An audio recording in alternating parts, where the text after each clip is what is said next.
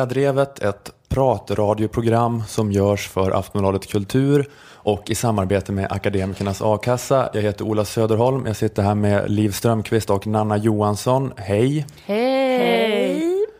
Innehållet i den här podden brukar vi lite halvt motvilligt beskriva som satir.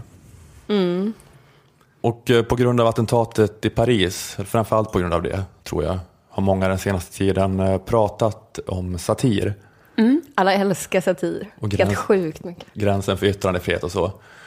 Och jag eh, tycker inte att det ska finnas några yttrandefrihetsbegränsningar på satiren. Nej. Förutom att jag tycker att det ska vara förbjudet att eh, prata om satir. Nu vill jag den, den lilla Man ska, begränsningen. ja, man ska få hålla på med satir men det ska vara förbjudet att eh, tala högtravande om satirens eh, viktighet och hur den i rakt nedstigande led från Voltaire är den absoluta intellektuella spjutspetsen i ett demokratiskt samhälle. Just det. Mm, jag håller med. Helt för, helt för att det ska vara tillåtet med gränslös satir. Rita en bild där en gris knullar Mohammed. Rita en bild där kungen knullar Astrid Lindgrens lik i ögonhålorna. Det ska inte leda till några rättsliga påföljder. Men skriver du en kultursidartikel om hur satiren inte smickrar, inte böjer sig, att ondskan alltid har hatat skrattet, för skrattet visar hur löjlig ondskan är. Satirikerna är de första som fängslas, se bara på Voltaire. Gör du det, tusen piskrapp på torget. Eller avrättning, IS-style. Få halsen avskuren framför en webbkamera. Då kommer jag att börja relativisera, som vissa gör. Ha förståelse för terroristerna. Att här, Eller du att, kanske inte tycker att det var rätt att avrätta dem, men du kan ändå liksom förstå att det de hade gjort också var väldigt provocerande. ja, med yttrandefrihet kommer ansvar och det var onödiga provokationer. Jag kommer börja hålla på så då. Jag, funderar på varför man stör sig så mycket. Eh, Och det var lite som du sa Nanna, att alla älskar satir så mycket. Eh, Och att det är något med att om man tänker på det, tänker man att satir betyder ju inte så värst mycket egentligen. Men det, är så här, det dyrkas som någon fetisch som man tillskriver magiska egenskaper. Det är liksom ett sånt eh, totem. Eh, Alltså det är kanske det jag liksom är ute efter då, att min begränsning av yttrandefriheten eh, är att förbjuda dyrkan av avgudabildens satir. För, att, för det är något så här med att om man så här, du kan döpa om din lite slarvigt underbyggda spaning till satir och folk kommer att tillbe den som yttrandefrihetens altare. Eller är det inte också så här nu samhället att bara man har en vänsteråsikt så är enda sättet att framföra den att säga att det man håller på med är satir? Ja, kanske. Men, men men framför allt är det att det är så praktiskt tycker jag. Då. Att, eh, att man ger något skimmer. Eh, Jag har också tänkt att det är något praktiskt att kalla något satir för att det gör att man kan frikänna sig ansvar lite både som komiker och tänkare. Ja, det kan man verkligen. Alltså, på ett sätt borde man ju tänka att satir är eh, jättesvårt och jättefint för det ska vara att man först skrattar och sen lär sig något nytt. alltså så är det ju i idealfall då, men det känns som att effekten ofta blir det motsatta, att, att det som etikeras som satir eh, blir ofta slappare eh, för att kraven på både rolighet och tänkvärdhet sänks. Att man, Ja. Först skrattar man inte och sen... Sen tänker man, det där har jag hört förut. Det, eller det där tycker jag med. Det har jag tyckt jättelänge. Det visste jag redan. Man säger frikänns liksom från ansvar lite grann i båda ändarna. Att det här var ju inte direkt skratta från magen roligt som det var när jag såg Grotesco och Per Andersson gjorde sitt nummer Kuk i hatt. Sen, nej men det var inte meningen heller. Det var inte meningen att det skulle vara roligt på det sättet. Det skulle vara lite mer så här tänkvärt och klurigt sätt. Men det höll inte heller riktigt ihop intellektuellt. Det var inte heller så tänkvärt som när jag läste någon Nina Björk-bok om konsumtionssamhället. Nej, men det var inte meningen heller att det skulle vara ett seriöst debattinlägg, utan jag bara så här, skruva till det lite grann. så att man, har så, ja, man kan bli frikänd liksom, på många sätt med sin satir. Men är det inte som med, i och med att man har de här båda grenarna, är det inte som en sån här tiokamp och sånt? Man behöver inte vara lika bra på allt. Alltså, om man är så här, inte så rolig. Jag pratar om mig själv nu. Man är inte jätterolig och inte jätte... Alltså man gör inte något som är så här. Det är liksom... Då, då behöver man liksom, eftersom man gör, det är två grejer samtidigt. Man är lite som Carolina Klüft. Ja. Och hon är också oerhört älskad. Ja. Så att det kanske är något med det då. Men slutade inte hon vara älskad? Nej, det var när hon försökte byta. När hon bara skulle göra längdhopp. Ja, Men då det får hon- man lära sig av. om man bara börjar Ja, skriva seriösa debattartiklar så kommer man bli hatad. Ja, om, precis, om satiriker tror att de är tillräckligt roliga för att vara komiker eller tillräckligt eh, klarsynta för att kunna vara debattörer, då är det kört. Ja. Så att, eh, Glöm aldrig vad som hände när Carolina Klüft bara började hålla på med längd.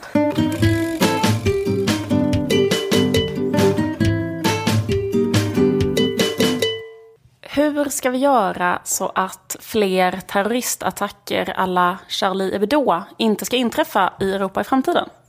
Det är något som har diskuterats mycket av olika europeiska politiska ledare på sista tiden. Ett av de mer ogenomtänkta förslagen kom från, från Nationals ledare Marine Le Pen. Typ en minut efter terrordådet så föreslog hon att man skulle införa dödsstraff på terrorism. Hörde ni det? ja, jag har hört talas om det. Men att, att de fortfarande liksom håller på med det där, det har ju visat att det inte ger någon som helst avskräckande effekt. Jag tycker bara det är så konstigt också för att just när man pratar om jihadistiska terrorattacker så är ju liksom hela uspen, hela grejen Ja. är ju att de inte bryr sig om de dör. De vill ju dö. Ska de stå liksom och, och hacka i deras lik liksom? Moroten är ju att dö. Liksom för de människorna. Det är ju därför de gör terrorattacken. För att eh, det är sån, den, den liksom religiösa motivationen. Tror liksom Marine Le Pen att om de inför dödsstraff på terrorism i Frankrike så kommer sådana IS-krigare och bara Åh nej, min vanliga otur. Får vi börja, får vi göra det här i Tyskland istället? Man skulle lika gärna kunna döma dem till eh, att det ska komma in så här 40 oskulder. Bara ligga med dem. Ja, det är det att de förnekas de här 72 skulderna. Att det är belöningar i 72 skulder i paradiset. Då. Men då är det egentligen att eh, bästa straffet hade varit eh, hålla dem vid liv till varje pris kanske. Vad tomt det måste kännas när man har legat med allihop. Jaha, vad händer nu då? Ja, förlåt. När man har haft 72 sådana jättefumliga, jättejobbiga samlag med någon som bara har jätteont och så som det är att ligga med en oskuld. Ehm, Jag tror med att Nanna generaliserar hur hon känner efter samlag. Om att tro att det är så för alla. Existentiell ångest. För många kan det vara en ganska skön stund just där efteråt när man ligger. Men, men det, är- ja, det är olika. Det kan vara, det är olika, precis. Eh, men jag tänker också, eller på det här med att eh, Marie Le Pen bara fantiserar om hur jävla underbart samhället hade varit om vi hade haft dödsstraff på terrorism. Allt som hade kunnat undvikas om det bara hade varit dödsstraff på terrorism innan 9-11 till exempel. Då kanske de flygplanskaparna bara hade varit så här styrt till Kanada istället. Just det. Försökt att, och, och, vad heter det, rasera en jättestor byggnad i Kanada. Så hockeyrink. Ja, eller liksom vad de nu har. Eh, en jättestor lönn. Världens största lönn skulle man kört in i. Nej, men precis som du säger Ola, så är det liksom verkligen så här eh, det bästa som man skulle kunna hota en sån jihadist med, det är ju ett sånt svinsoft, eh, riktigt eh, progg, riktigt jävla proggigt eh, 70-talsstraff. Typ det här eh, göra samhällstjänst på Emmaus, typ Just det. jätte, jätte, jättelänge. Få stå och sortera sådana bohemchicka plagg. Behöva ge råd till en hipster som botaniserar bland olika så ironiska truckerkepsar i 20 år. Befinna sig i det limbot. Ja, om, eh, det var bara tips till eh, från National, om de lyssnar. Även här i Sverige har det bollats idéer för hur vi ska kunna förhindra då att eh, det som alla snackar om nu, buzzen, de här återvändande eh, jihadist, eh, jihadkrigarna. Hur ska de eh, hindras från att utföra terrordåd om de kommer tillbaka till Sverige? Eh, och det blev ett jävla liv eh, i veckan om ett förslag eh, som kom från Örebros kommunledning.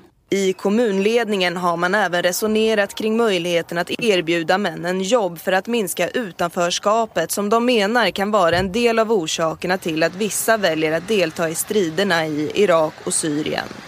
Det här eh, gjorde folk eh, helt tokiga.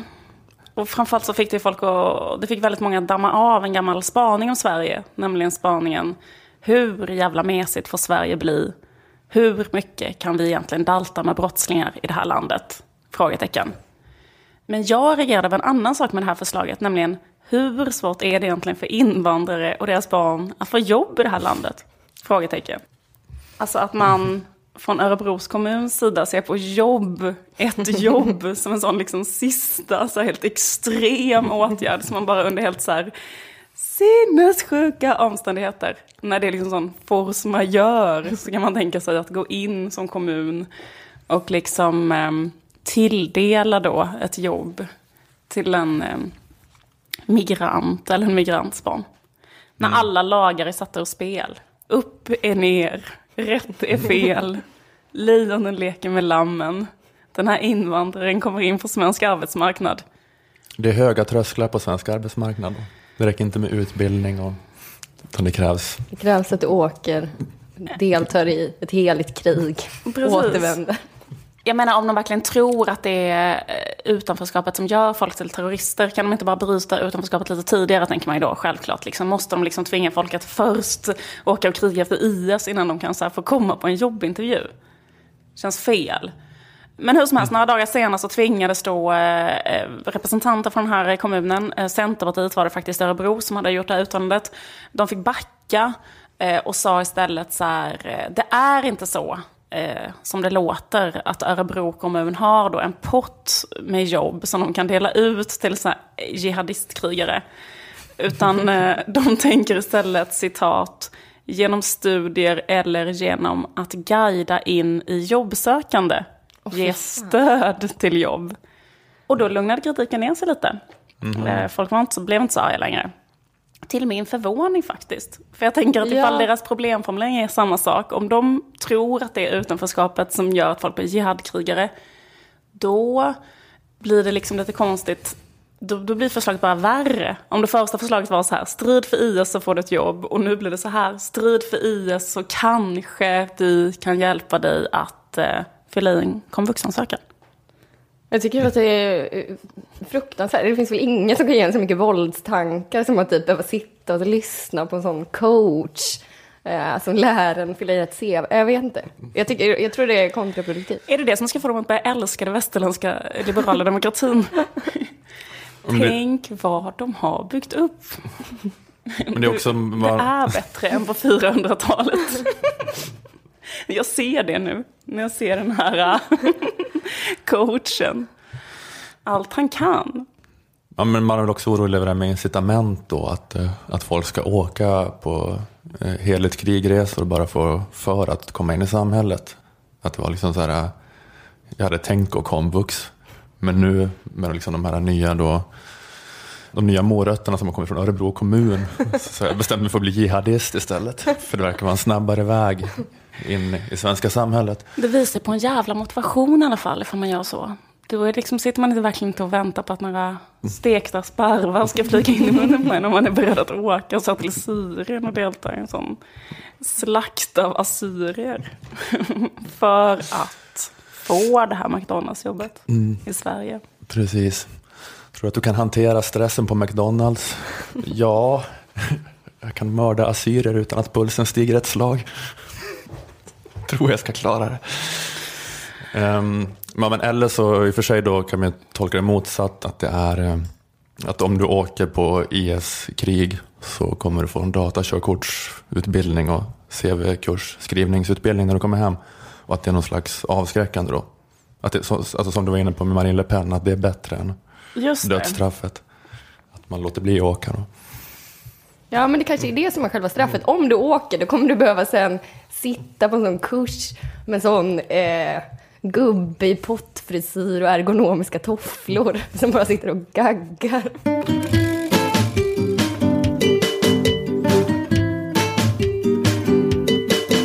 Veckans Lilla Drevet görs i samarbete med Akademikernas A-kassa.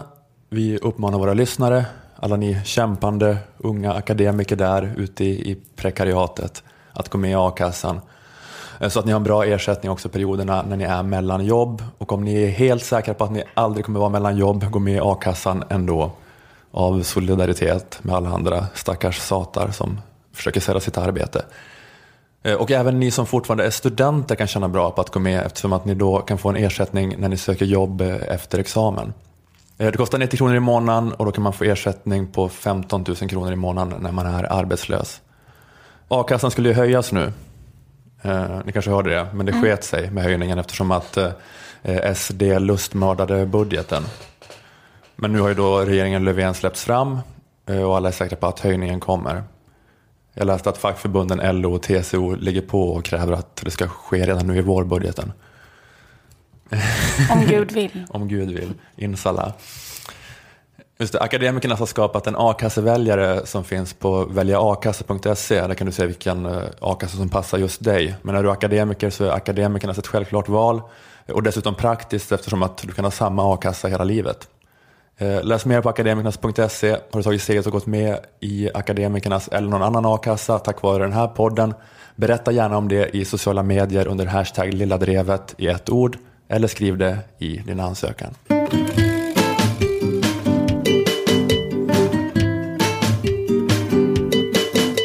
Har ni läst om den extremt sjuka grejen som kommer hända nästa år? Nej, eller kanske. Kanske. Ja, jag har inte sagt vad det är. Eh, hjälporganisationen Oxfam har eh, presenterat en rapport om att jordens rikaste hundradel eh, i år äger 48 procent av alla tillgångar, men att redan nästa år så kommer de äga över hälften av alla världens resurser. Eh, jag upprepar, 1 procent kommer äga hälften av allt. Detta då parallellt med att en miljard människor på jorden lever på mindre än 10 kronor om dagen. Jag upprepar, 10 kronor om dagen. Eh, min första känsla när jag har de här siffrorna är varför har inte alla tidningar sådana där live-rapporteringar om den här oerhörda mänskliga katastrofen? Eh, den pågår ju faktiskt just nu. Jag skulle vilja ha minut för minut uppdateringar. Jag vill att en praktikant i detta nu ska springa genom DNs kontorslandskap med en faxutskrift i högsta hugg. This just in, skriker han på engelska av någon anledning. Nu ökade gapet mellan den rikaste procenten och alla andra med ytterligare 20 miljarder. Ska man live följa så här när pengar kommer in på de rikastes eh, konton? Ja. Niklas Svensson ska flyga helikopter ovanför, ja. Ovanför det. De transaktionerna ska flyga helikopter ovanför. Man lägger de kontoutdragen på marken och sen ska han åka. Man får lägga fast dem med små stenar så att de inte ska fladdra för att de åker en helikopter så nära. Ja, precis. Men så är det inte riktigt. Istället har DN bara en pliktskyldig liten TT-blänkare om de här sinnessjuka siffrorna. Eh, och vad tror ni det är för fotografier som får illustrera artikeln om rapporten? Vet inte. Eh, det är bilder på champagne och en lyxjakt. Eh, som om det här handlade om en glamorös livsstil och inte om liv och död och gigantiska orättvisor.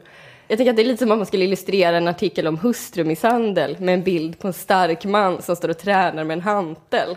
Jag tycker det är lite osmakligt. Man kunde ju önska att åtminstone en av bilderna kunde föreställa något som har med fattigdom att göra. För att liksom påminna läsaren om att det här med extrema klassklyftor inte bara är kul och fest. Eh, till exempel en bild på en kåkstad eller köldskador på en hemlös eller något sånt. Eller i alla fall ett eh, glas med champagne som är halvfullt. Så Just kan man få det. läsa in själv hur man ser det. Åtminstone det. Ja, men vi kan vara glada att DN i alla fall kompenserar sin lyxvinkel eh, med lite fördjupning. För om man vill läsa mer om ämnet klassklyftor så rekommenderar de quizet Vad kan du om rika? Eh, och där är frågor som eh, vilken sportstjärna är mest förmögen och så vidare. Jag kunde inte riktigt Va? hitta quizet. Vad kan du om extrem fattigdom? Det kanske beror på att de inte har något sånt quiz. Jag vet inte. Men strunt samma. Det kommer ju såna här rapporter lite då och då. Eh, siffrorna är alltid jättesjuka, men det blir liksom aldrig liv i luckan om det. Eh, det är som att man bara accepterat att det finns rika och det finns fattiga på samma sätt som det finns människor med ljust och mörkt hår. Eh, och människor som säger och det, kex och kex. Och det med ljust och mörkt hår sammanfaller också ja, med det rika och fattiga. Det är bara en naturlig ordning. Nej, men man ser lite på förmögenhetsskillnader som om det var lite som vädret. Något som bara, det bara händer. Man får bita i det sura äpplet och bara genomlida regnet slash att bli ekonomiskt fistad i röven av en riskkapitalist. Men jag önskar att det då och då i mainstream media kunde fokuseras på ja, men de 99 procent som inte tillhör rikedomstoppen och vad vi skulle kunna göra för att ändra på världsordningen genom till exempel att rösta eller lagstifta om olika grejer. Vi är ju ändå någon slags majoritet. Det är en Eh, majoritet. Mm. Till exempel skulle man kunna snacka om att införa ett förmögenhetstak eh, så man inte får äga hur mycket som helst. Man skulle också kunna slopa arvsrätten, införa någon sorts medborgarlön för att jämna ut skillnaderna. Ja, det finns massa sådana crazy banana-förslag som aldrig, aldrig diskuteras. Nästan. Men för att överhuvudtaget nå de diskussionerna så måste media sluta behandla de här rapporterna som om de vore en Erik Gadd-konsert. Total likgiltighet. Och artiklar om ekonomisk ojämlikhet måste sluta fokusera på hur otroligt gött det är att vara rik. Det vet vi redan att det är. Gå vidare.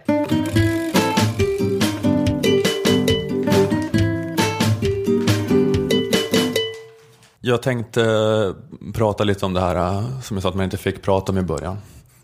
Satir, Satir, att det är så viktigt. yttrandefrihetens gränser. Nej, just det, jag ska inte prata om att det är viktigt. Mer kanske om yttrandefrihetens gränser och det. Det, det Du känner att det har varit lite, lite, lite inte så pratat om på sista tiden. Nej, nu är det dags för mina five cents här. som alla Det har alla väntat på. undrar. Vad tycker Ola?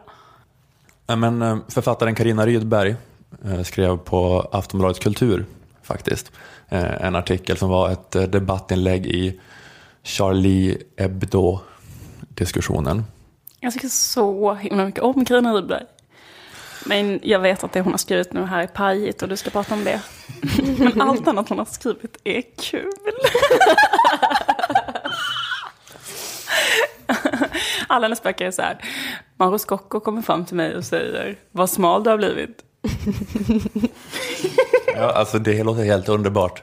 Ehm, hon skrev en artikel som var ett debattinlägg i Charlie Hebdo-diskussionen då om att så här, publicera eller inte publicera sånt som religiösa människor uppfattar som kränkande. Till exempel karikatyrer av profeten Muhammed. Rubriken på Rydbergs artikel var Karikatyrerna lika fel som judevitsar. Och det var en rubrik som fick mig att haja till, stanna upp, vilja läsa. Karikatyrerna lika fel som judevitsar. Rubriken var alltså Skämt om människors idéer och föreställningar lika fel som rasistskämt.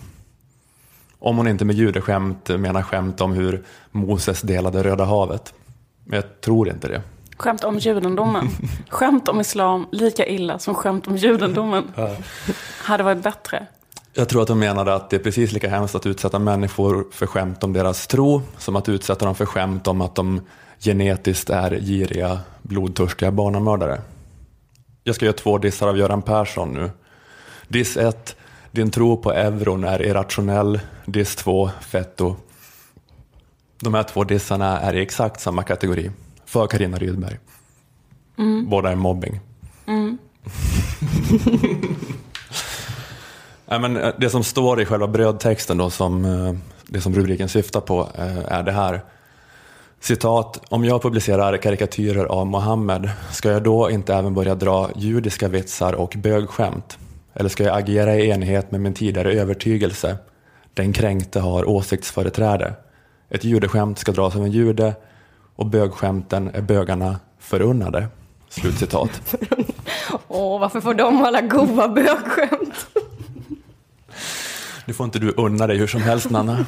Men jag tror att att eh, en anledning till att människor eh, liksom eh, buntar ihop det som brukar kallas för så här Muhammed-karikatyrer med eh, typ en antisemitisk karikatyr, det är väl att Muhammed-karikatyrer, alltså flera av de som har gjorts, också har den typen av så här drag som går ut på att, eh, ja, men att det handlar kanske inte så mycket om, om religionen islam som en rasistisk stereotyp av en människa från Mellanöstern. Absolut, jag kommer, vi kommer komma till det. Och det, det är olika från fall till fall, eh, såklart. Men ehm, ja, det citatet jag läste upp, att det finns mycket man kan säga om det. Alltså dels det här med att den kränkte alltid har åsiktsföreträde. Inget kontroversiellt påstående. Alla i svensk debatt håller med Karina Rydberg om det här. Ehm, jag undrar lite varför har vi ens kvar orden rätt och fel i svenskan? Jag tänker att de inte fyller någon funktion längre. Om den som är kränkt alltid har rätt betyder ju kränkt rätt. Vi kan bara byta ut rätt och fel mot kränkt och okränkt. Och så jävla kränkt det där du sa om ojämlikheter i inkomster, Nanna. verkligen kränkt. Men eh, det är ju, eh, alltså ehm, det är en jättekontroversiell åsikt som hon kommer med, fast alla säger det. Men det är väldigt, eh, om man tänker i två minuter på det, så är det ju en väldigt dålig um, riktlinje att ha. Att den som har blivit kränkt av någonting alltid har rätt. Och svår eh, applicerad eh, mm. på samhället. För att... Eh, det blir ju en total relativism. Ja, att det... det inte finns något rätt och fel bortom att underläget har rätt. Eller känslor av kränkthet. Det är ju en subjektiv känsla. Mm. Eh, sen är det också fel tycker jag att så här, vita heterosexuella inte kan dra skämt om judar eller bögar. Det är också en väldigt stelbent syn på humor. Fast i och för sig, de här skämten kanske oftast bygger på att de som är föremål för skämten inkluderas i dem. Jag tror att hon menar här skämt där de som är föremål för skämten inte tycker att de är roliga utan uppfattar dem som kränkande. Och då är det lika fel om personen känner sig kränkt på grund av en attack på eh, eh dens eh, idéer och föreställningar som om den känner sig kränkt på grund av en attack på den den är. Om man skämtar om Göran Rosenberg så är det lika fel om man idiotförklarar honom på grund av hans idéer om välfärdspolitik som om man skulle dra ett skämt om att han luktar illa för att han är en eh, smutsig jude. Det är det Karina Rydberg med en fas dunkar in här i den här artikeln. Men eh, det som sägs i de här diskussionerna mycket är det här att man ska inte kränka någon i onödan. Nej, just alltså, det. Vi för det har man hört. yttrandefrihet, man ska nog inte kränka någon i onödan. Det kommer något ansvar med yttrandefriheten. Det är bara det här lilla problemet att definiera när onödan infinner sig. Eh, vilket inte verkar vara något problem alls för alla i debatten. det är så här, att alla vet varför gör någon en Mohammed-karikatyr? Alltså alla i svenska debatten verkar vara säkra på att svaret på den frågan är att man gör det för att man vill mobba araber, för att man är rasist. Och som du var inne på Liv, det har säkert varit motivet emellanåt. Eh, men man kan också tänka sig att en vanlig anledning till att eh, kritisera och satirisera och håna en religion och islam, det är, liksom, det är att man är ateist. Om vi ska brainstorma så kastar jag fram den tanken att den som dissar en religion kanske snarare är ateist än rasist. Jag tror att det är liksom mer 50-50 ungefär. Men på riktigt, jag tror att det finns två grupper. En grupp som vill, alltså är för publicerandet av Muhammed-karikatyrer för att man hatar muslimer brinnande och tror att Europa håller på att bli islamiserat och ser det som ett jättestort hot och tror att man slår underläge. Man tror att man gör en Muhammed-karikatyr, då är det som när någon i Törnrosdalen hånar Tengil för att man känner sig så jävla liksom islamiserad. Det tror jag är en kategori. Mm. Men som du säger så finns det också en annan kategori som kanske eh, är så här, nu vill jag visa att eh, det här är inte heligt, objektivt sant mm, heligt. Mm, mm. Ja, men för det är det också... Den här mullan kanske inte har fått eh, mandatet att bestämma allt av Gud, utan han kanske bara gör det för att han själv tycker det är gött. Liksom. Ja, men det är så konstigt att den tanken det inte ens finns. dörren för den tanken. Att, den, att, man, att ingen kan öppna dörren för den tanken. För att det är liksom, alltså grejen med ateister är att de också driver opinion. Men alltså att folk verkar tro att ateism, det är att sitta still i båten. Att vara något slags neutrum. Men det är det inte. Alltså ateismen är ju liksom som religionen eller politiska rörelser. Det är en så här världsåskådning som försöker vinna mark, så försöker växa på bekostnad av de andra. Genom att typ vinna kampen över människors tankar. Genom att så här, driva frågor som att våra samhällen varit bättre om de präglats mindre av gudomar. Att det hade varit bättre om människor inte höll på med fetischer som de tillskrev magiska egenskaper. Som alla av satir. Men Jag menar, jag menar, om man brinner för den ideologin och vill sprida dess budskap så mycket som möjligt, är det då verkligen så lika säkert att kritik och satir mot andra människors tro på helighet är något onödigt? Alltså det är liksom bara konkurrerande intressen som är oförenliga. Det som är heligt för religiösa är deras gudomar och det som då är heligt för ateister, som du säger, det är ju att ingenting är heligt. Så det som är i ateisters intresse, alltså att så här, liksom dekonstruera människors tro på helhet, kan inte samtidigt vara i religiösas intresse de två grupperna kommer ju kränka varandra. Det är som det är. Det är bara så här liksom, som företrädare för politiska ideologier kan inte säga något utan att idiotförklara varandras världsbilder. Utan kränkningar hade ju vi aldrig kommit någon vart. Vi måste ju kränka. Eller?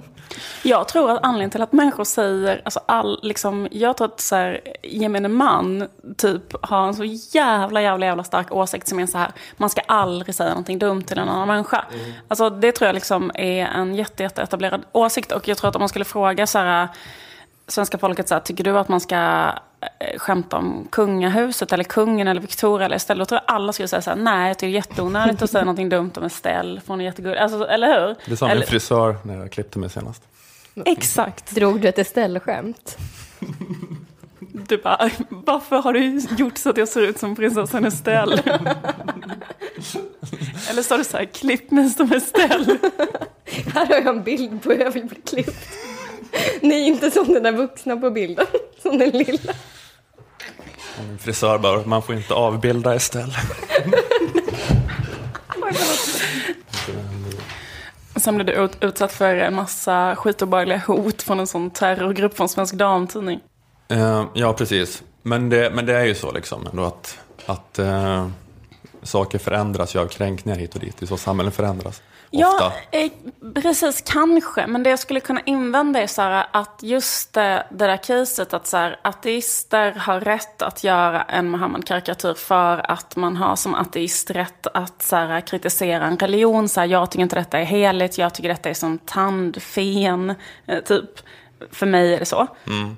Men en invändning jag kan ha mot sådana ateister det är så här eh, att det är inte så effektivt. Alltså om man nu vill bedriva opinion, då, så här, om man tänker sitta så i Danmark och är så här, åh, min högsta önskan är att sekularisera Mellanöstern.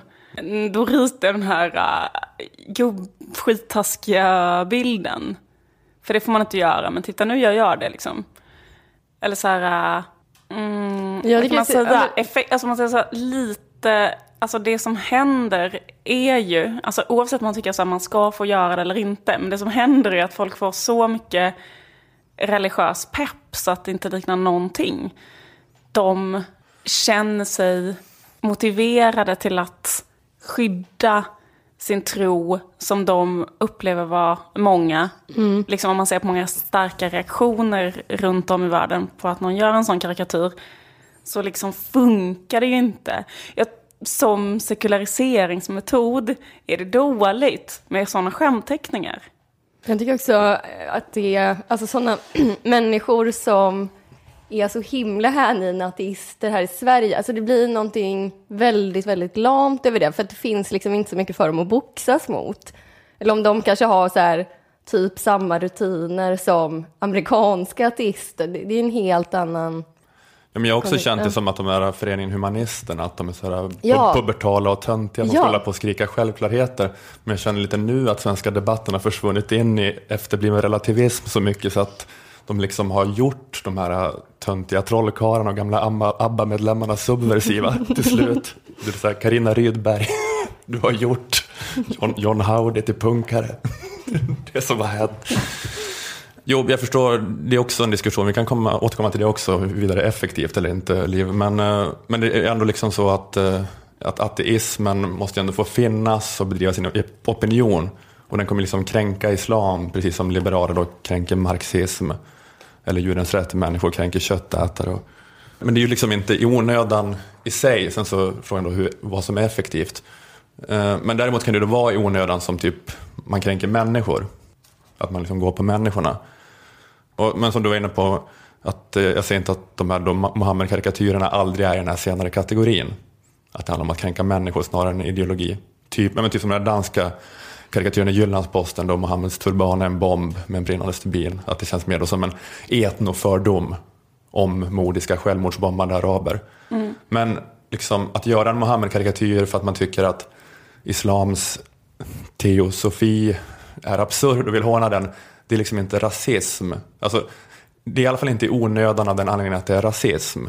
Jag tycker det är så jävla liksom över gränsen att så här kleta rasism kategoriskt på alla som gör Mohammed-karikatyrer. Vilket är det som sker. Alltså, sen kan det vara i onödan ändå av andra skäl. Alltså lite som du sa Liv om vad som är effektivt. Och alltså, om man ska då se det som den här ateistiska kampen för att göra världen mer sekulariserad, kanske inte det är det mest konstruktiva. Att det liksom inte är några gamla proggar i Frankrike som gillar att rita bilder där olika religiösa figurer får olika saker i röven. Att, att det är ändå inte de som, det är inte det som kommer sekularisera Mellanöstern. Nej, kanske. Utan att om någon satir kommer göra någon skillnad i en sån kamp kanske det snarare kommer vara satiriker där som liksom hånar systemet inifrån. Men även om det så då eventuellt kan bedömas som irre- irrelevant satir eh, och man kan ställa sig så här frågan vad ska det vara bra för att göra sådana karikatyrer? Det är också en vanlig fråga nu. Att så här, visst du får göra det men vad är det bra för? Det är en fråga man kan ställa sig. Men man kan också ställa sig frågan vad ska det vara bra för att överdramatisera det? Alltså vad är, vad är det som är bra med det här liksom, som välmenande vänsterliberala personer gör när de jämställer Mohammed-hån med rasism? Vad är det bra för? Hjälper det muslimer i Västeuropa att det ska vara mycket mer av en issue för ateister att säga att de är anti-islam än att säga att de är anti-kristendom? Och en motivering till varför det är mer av en issue eh, är ju ojämlikhet. Ja. Eller hur? Att, eh, man brukar säga att, att kristendomen är ändå det gamla etablissemanget här. Även om då kristendomen nu är inte är en del av staten och att det är en så här ett piskad till tystnad och så. Så finns det kanske ändå mer en känsla av att sparka uppåt mot en gammal institution och att de som utövar kristendomen här, de är inte överrepresenterade eh, i någon utanförskapsdrabbad underklass. Som det är med när det gäller utövare av eh, islam. Eh, Men om det är så att människor med bakgrund i muslimska länder befinner sig i något slags underläge i Västeuropa, hur är vägen ur det underläget? Det handlar väl kanske mest om ekonomi, kanske, samma möjligheter och sånt på det viset. Men om man ska tala om det här, den här grejen som något som kan hjälpa eller stjälpa, att välmenande vänsterliberala debattörer stämplar skämt om islam som rasism, på vilket sätt är det en väg ur underläget? Jag bara tänker, vad blir en spark neråt? Alltså att säga att ni får inte vara med i vår jargong utan ni ska få en politiskt korrekt försäkran om att vi inte ser ner på er. Alltså jag tänker så att det kanske är en spark neråt av alla Carina Rydberg-typer att förvänta sig lättkränkthet och hittat på speciella regler för en grupp. Så här, hur blir liksom muslimer i Europas situation bättre av att franska serietecknargubbar bara ska stoppa saker i röven på Jesus, Moses och påven men undvika Mohammed? Alltså hur nedlåtande är inte det? Att argumentationen är typ så här, eftersom att de befinner sig i underläge så måste vi behandla dem nedlåtande. Ja, men det är inte så här också att om man ser de där karikatyrerna som så här etnifierade, liksom, eh, rasistiska porträtt, så här, till exempel så här, arab är lika med våldsbejakande till exempel. Om man sprider mycket sådana, den typen av rasistiska, alltså många av de här har, har ju ändå de implikationerna. Och eftersom det är så jävla mycket liksom högerfascism som hetsar mot muslimer överhuvudtaget, då eh, får de ännu mer en känsla av att, eh, eller liksom att eh, folk blir ännu mer så här, kopplar ihop ordet muslim med något som är farligt till exempel, eller något som inte passar in i väst, eller ja, något som är från medeltiden. Alla de här grejerna som ofta ihop liksom buntar med sig islamkritik. Ja, ja precis. Men det, det ligger ju mycket i det, men det är också något med att tänka på det motsatta sättet. Alltså jag vet inte, att vi kan säga att vi är eh, antikatoliker utan att det uppfattas som hetsande mot irländare och italienare. Vi kan ge dem det förtroendet, men vi kan inte ge det förtroendet till araber. Att det bara är något nedlåtande med det. Eller, eller jag vet, det kan vara så att jag bara tänker för så här, idealistiskt, för liberal sekulärt idealistiskt, att det är så mycket islamofobi och att det inte går att vara så liksom. Och att det är, så, att det är sådana maktförhållanden att det inte går att vara så helt konsekvensneutral för att vissa är så mycket mer utsatta. Jag vet inte. Ja, jag tror att det liksom inte går, alltså eftersom, alltså inte i alla fall i Sverige som det är idag, bara för att muslimer är så här fruktansvärt, eh, Eh, att det finns så himla mycket islamofobi och att folk är så allmänt, alltså det, jag vet inte. Och sen om man dessutom, man lever så i en sån eh, förort utan pengar och har det piss och eh, är liksom eh, rasistiskt behandlad och svenska majoritetsbefolkningen håller på och eh, driva med eh, kanske då det enda som får en att så här, ha någonting lite härligt eh, positivt i livet. Ens religion, man känner glädje, mening i livet, det är jätteviktigt. Typ sådär. Och så ska man liksom pissa på det. Alltså jag tror det är det som är, liksom, blir konstigt. Alltså typ att det inte riktigt går att jämföra med att göra så här, skämt om kristendom. Det är liksom som att det är som att liksom under romarriket, när de kristna minoriteten bodde i Rom, att så här, de där romerska, som trodde på sådana romerska gudar och hade kristna som facklor. Så skulle man vara så här, varför får inte vi ett kristet skämt, Kristus-skämt? Ja, Jag ritar en precis. jätterolig bild på Fast jag- Jesus får någonting. Ja, precis. Att vi inte riktigt ändå på den nivån att det är liksom sådär hela E4 mellan Södertälje och Stockholm, att det är så här korsfästa muslimer hela vägen. Det är Nej. mer- Men, men, men det är ju liksom... eh, Jo, Nej, jag, men- jag, jag fattar vad du menar. Men, men, eh, men det är också någonting med... eh, Det är ju en sån här avvägning, men det är också något som är att inte släppa in vissa grupper i samma diskurs. Ja, det Att det det. inte ska vara... Att man, att, att man inte ska kunna Men, få ja, med men, samma snack. men också med den, det caset hon driver så är det ju inte hon som borde skriva den texten utan kanske då en muslim som borde skriva det. Om det är, om det är de som ska få avgöra.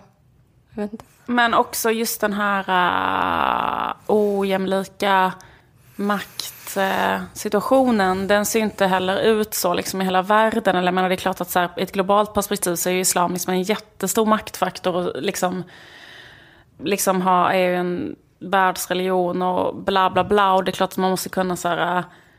eh, Jo men det är klart att det är, det är ju så här, ja det är ju Eller det- superhemsk det- det- maktstruktur som är så här patriarkal, teokratisk skit såklart med, när det är politisk islam i massa länder. Men, men det är ju som sagt, då är det här vad som är effektivt, att det förmodligen måste komma inifrån snarare än att kanske gamla proggar i Paris. Eller det, det är väl kanske bra att bara säga så här att ja, men vi tycker inte att något är heligt. Det är möjligt att ha en sån ordning också, då ingenting är heligt. Jag vet inte. Det blev väldigt eh, tråkigt. Nu är, exemplifierar vi hela den här grejen med satir. Det är bara att vi sitter och har en sån eh, jättelång... Mm.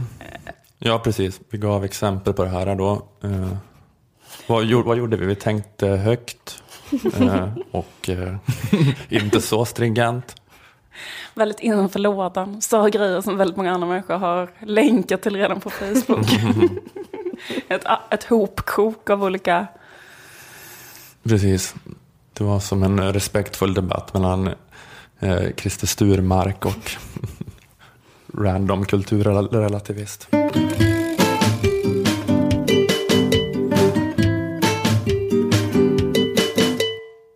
Eh, Jag snackade ju lite om ekonomisk ojämlikhet tidigare eh, och den procent av jordens befolkning som snart äger halva allt. Eh, Den procenten har ju nu förlorat en av sina käraste medlemmar. Eh, Det är Peter Wallenberg den äldre som har gått och dött. Ja. Vissa, till exempel DNs Peter Wolodarski, är superduper ledsna och har tagit på sig rollen som offentliga gråterskor. Andra, till exempel jag, ser snarare en unik affärsmöjlighet i den här sorgen. Familjen Wallenberg är ju inte bara extremt rika, de har också, som de flesta känner till, en extrem förkärlek för smeknamn. Just det. Eh, till exempel kallades Peter för Pirre och hans son som också heter Peter är ju mest känd som Poker. Eh, så finns det en massa andra härliga alias om man kollar i det Wallenbergska släktträdet. Jag, jag, hör, får jag säga, eh, jag hörde Ekos lördags intervju en gång med han, vad heter han, Percy Barnevik. Han som blev så här, eh, den girigaste människan i Sveriges historia för att han, vad gjorde han för någonting? Han hade en halv miljard i någon slags bonus eller någonting. Han, han hade en väldigt dålig PR-situation men han var med i Ekos lördags intervju då och så bara pratade han om att någon affärsgrej han hade gjort. Så sa han, ja det var jag och Husky. Och då intervjuade han så här, Husky? Han var, ja, Marcus Wallenberg. Och det bara lät så himla illa att han var husky med Marcus Wallenberg. Och man så skulle rädda sig själv som lite folklig liksom. Washa sig själv som lite folklig.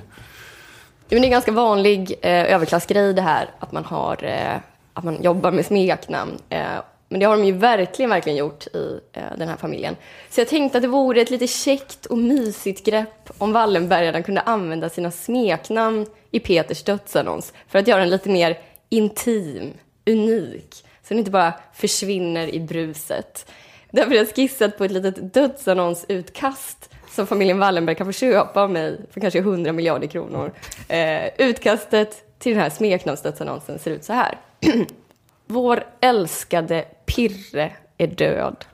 En av många kära familjemedlemmar som ryckts bort.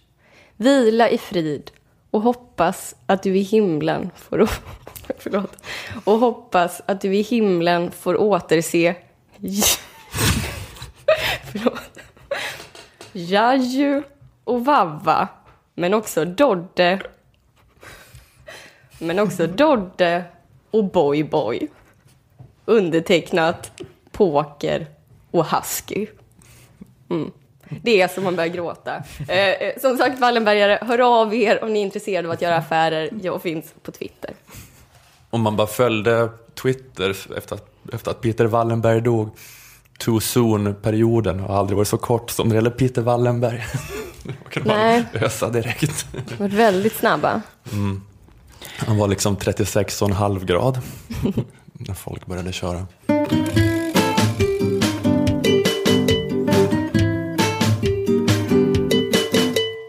Det finns ju ett sånt eh, fruktansvärt välkänt fenomen i svensk politisk debatt.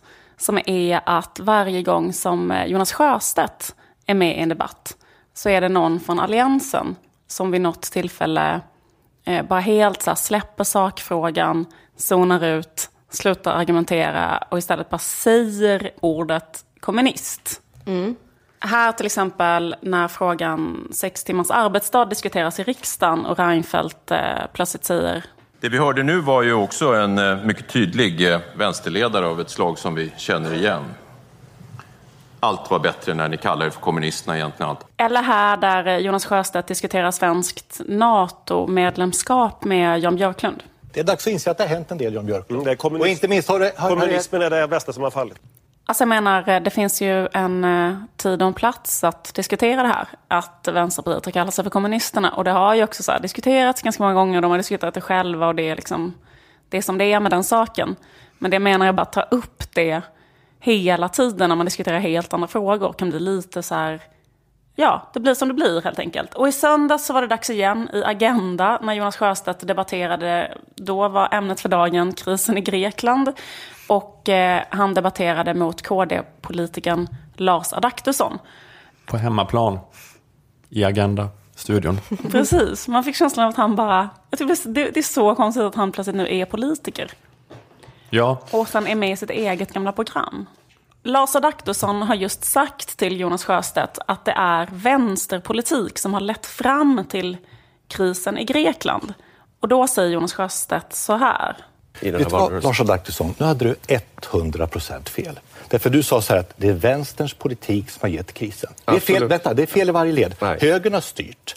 Högern i EU har tvingat högern i Grekland att föra en viss politik. Det är euron som högern försvarar, som man har värnat och man har räddat bankerna först. Det är ren högerpolitik och den har inte fungerat. Det är därför människor går till vänster.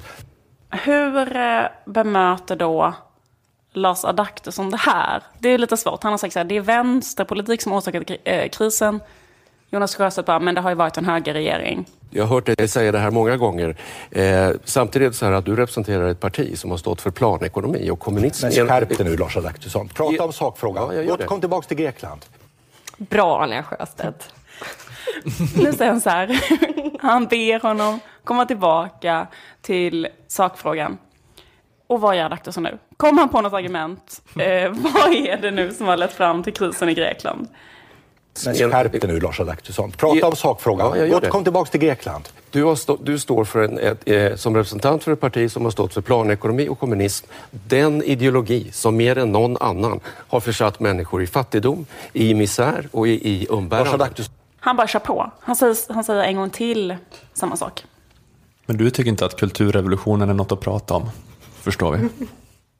Jag tänker bara liksom att är Lars Adaktusson verkligen den som eh, vill Lars Adaktusson verkligen också öppna dörren till att diskutera olika partiers historia när han själv är med i KD? Är det det han verkligen på riktigt Sitter han och tänker så här, snälla, kan vi inte gå in på vad våra partier tyckte på 80-talet? Det skulle vara så härligt. Om jag fick verkligen sitta och gotta ner mig i alla motioner Alf Svensson skrev på 80-talet. Liksom hela anledningen till att KD bildades var att man ville censurera olika sexscener i Vilgot Sjöman-filmer. Är det det vi ska prata om nu? I Agenda? Ja, precis. De är inte rätt parti att ta cleanast historia-matchen.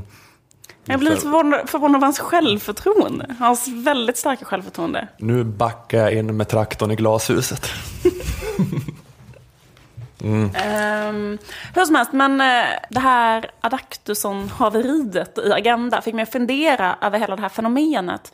För innan så tänkte jag så här, att det här med att säga kommunist till eh, Jonas Sjöstedt varje gång man debatterar. Jag, trodde liksom, jag tänkte så här, men det kanske är något som, man, som ingår i så här, Alliansens debattträning. Det gör det liksom, nog. Ja, det är ju det man först tänker så här, liksom att när du inte har något argument eh, kvar, eller om du sagt något helt koko, eller du bara vill komma ur, eh, mummelskrik då, så här. Eh, Men sen nu när jag hör det här, den här fullständiga liksom, Lars Adaktusson-härdsmältan i Agenda, då tänker jag liksom att ehm, det måste ju vara tvärtom. Alltså det kan ju inte vara så att deras rådgivare, politiska rådgivare rekommenderar det här. Utan då börjar jag tänka så här, de har säkert jobbat stenhårt åt andra hållet. Alltså det de har jobbat med, eh, med Adaktusson, det är att han inte ska säga kommunist till Jonas Sjöstedt. Att de liksom har övat och övat och övat på att han ska kunna hålla sig. Eh, men, men att det liksom i slutet bara brister för honom. Han klarar inte det. Han måste liksom förvandlas till den här eh, John Man Cleese. känner, annars har jag inte visat civilkurage.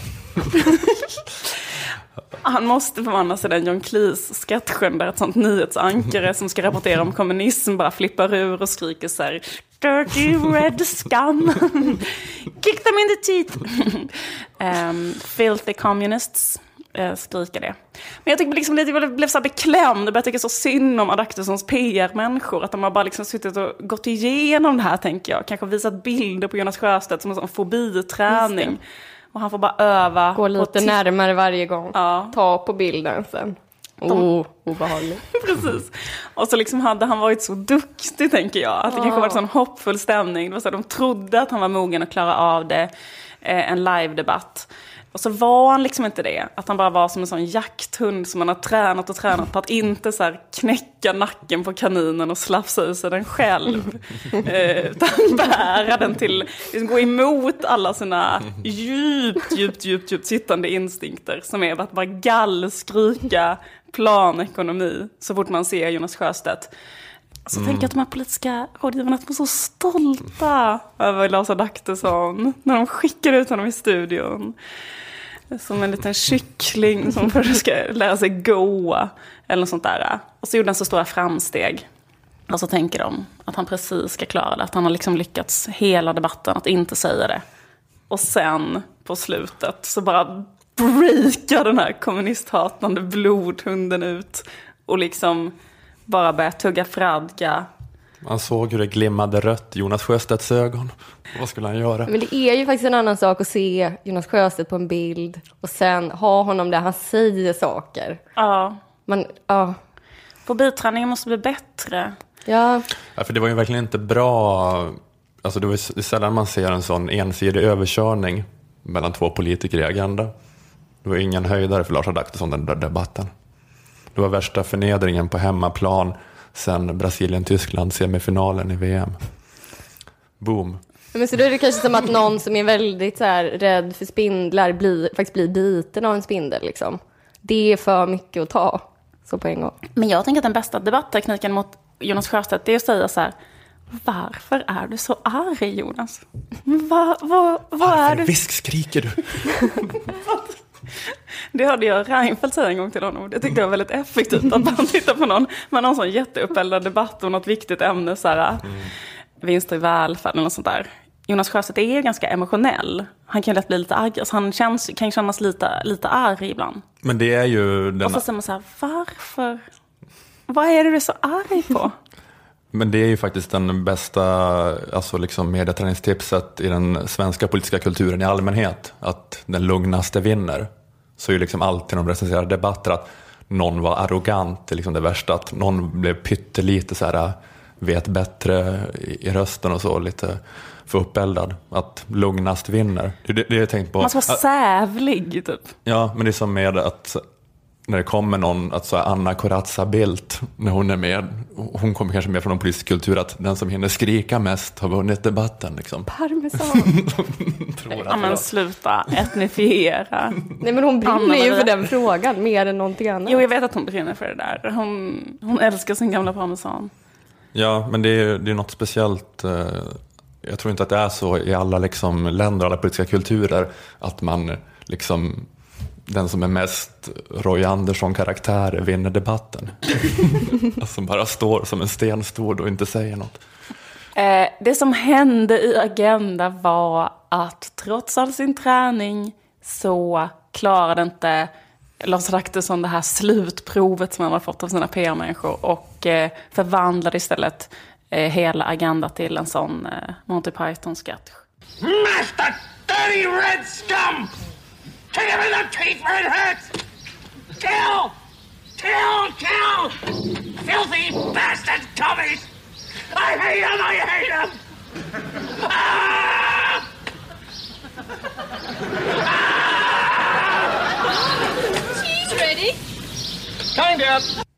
Det var allt.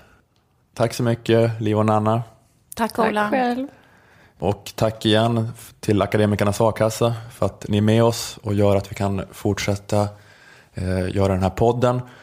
Eh, det är en podcast för Aftonbladet Kultur ska vi säga också. Ni kan eh, kommunicera med oss via hashtag Lilla Drevet. Ni kan gå in och hata vår Facebook-sida eh, och så hörs vi igen nästa vecka. Hej då! Hej då.